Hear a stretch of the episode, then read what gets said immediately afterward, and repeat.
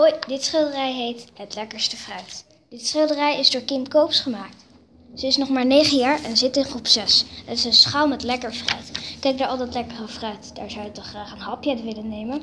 Dit is op school gemaakt voor een project. Het project is dat je stil levens moet maken. Die heeft allemaal dingen neergezet. Een van die dingen was het fruit. Daar zat ik. Er was ook snoep, groenten en bakspullen voor een appeltaart. Ik was best wel blij met het fruit, maar het was echt wel heel moeilijk. Zie je daarboven op de schaal een lekkere ananas? Dat is het pronkstuk van dit kunstwerk. En zie je daar de lekkere meloen naast de schaal? En er zijn ook nog lekkere walnoten, sinaasappels en ook vast wel mandarijnen.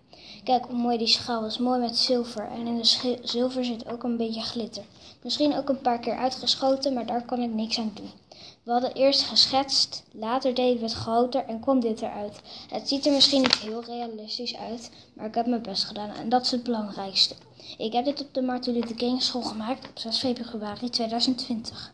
Ik heb het met plakkaatverf geschilderd. Wat betekent pronkstuk? Het is het mooiste van je verzameling. Wat betekent stilleven? Het is iets dat niet kan bewegen. Dus het is eigenlijk eten, drinken of het zijn dingen.